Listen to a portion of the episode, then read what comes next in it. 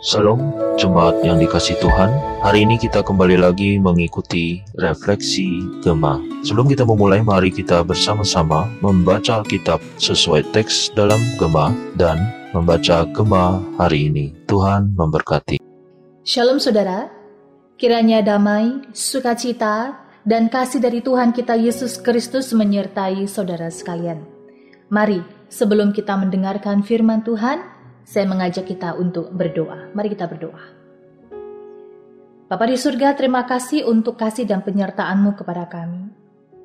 Dan biarlah pada saat ini kami boleh mempersiapkan hati dan pikiran kami untuk boleh menerima akan kebenaran firman Tuhan. Berkuasalah dan berkaryalah di dalam hati kami, dan biarlah firman Tuhan hari ini boleh berbicara kepada setiap kami. Di dalam nama Tuhan Yesus Kristus kami berdoa. Amin. Saudara yang terkasih, refleksi Gema pada hari ini diambil dari 2 Timotius pasal yang ketiga, ayat yang ke-12 sampai ayat yang ke-17. Namun hari ini saya fokus pada dua ayat saja, yaitu pada ayat yang ke-15 dan ayat yang ke-16. Saya bacakan buat saudara, demikian firman Tuhan. Ingatlah juga bahwa dari kecil engkau sudah mengenal kitab suci, yang dapat memberi hikmat kepadamu dan menuntun engkau kepada keselamatan oleh iman kepada Kristus Yesus.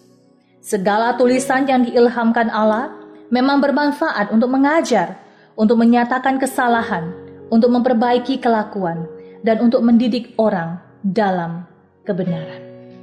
Sedemikian jauh pembacaan firman Tuhan. Saudara yang terkasih, sekilas tentang Timotius Timotius adalah salah seorang dari generasi kedua umat Kristen mula-mula. Timotius menjadi orang Kristen bukan karena pemberitaan firman oleh seorang penginjil, melainkan dia menjadi seorang Kristen karena ibu dan neneknya yang telah mengajarkan kitab suci kepadanya sejak dia masih kecil.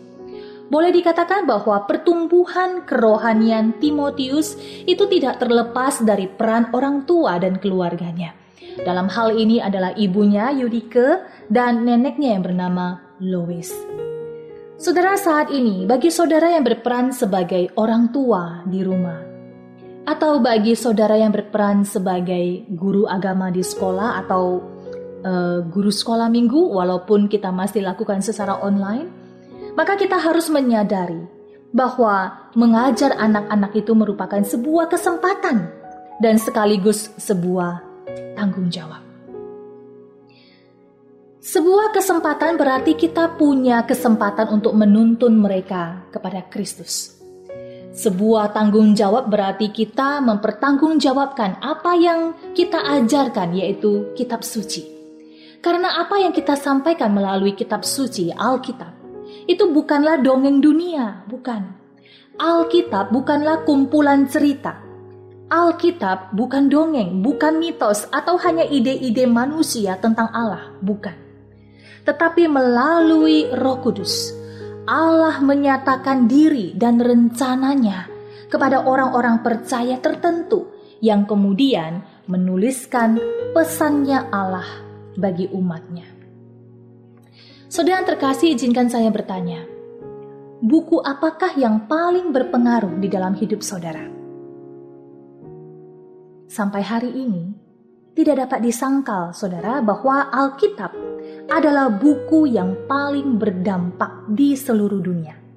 Karena apa? Karena telah merubah kehidupan bagi jiwa-jiwa pembacanya. Jikalau Alkitab adalah sebuah buku dongeng, maka tentulah dongeng yang dibaca tidak dapat mengubah jiwa manusia yang membacanya.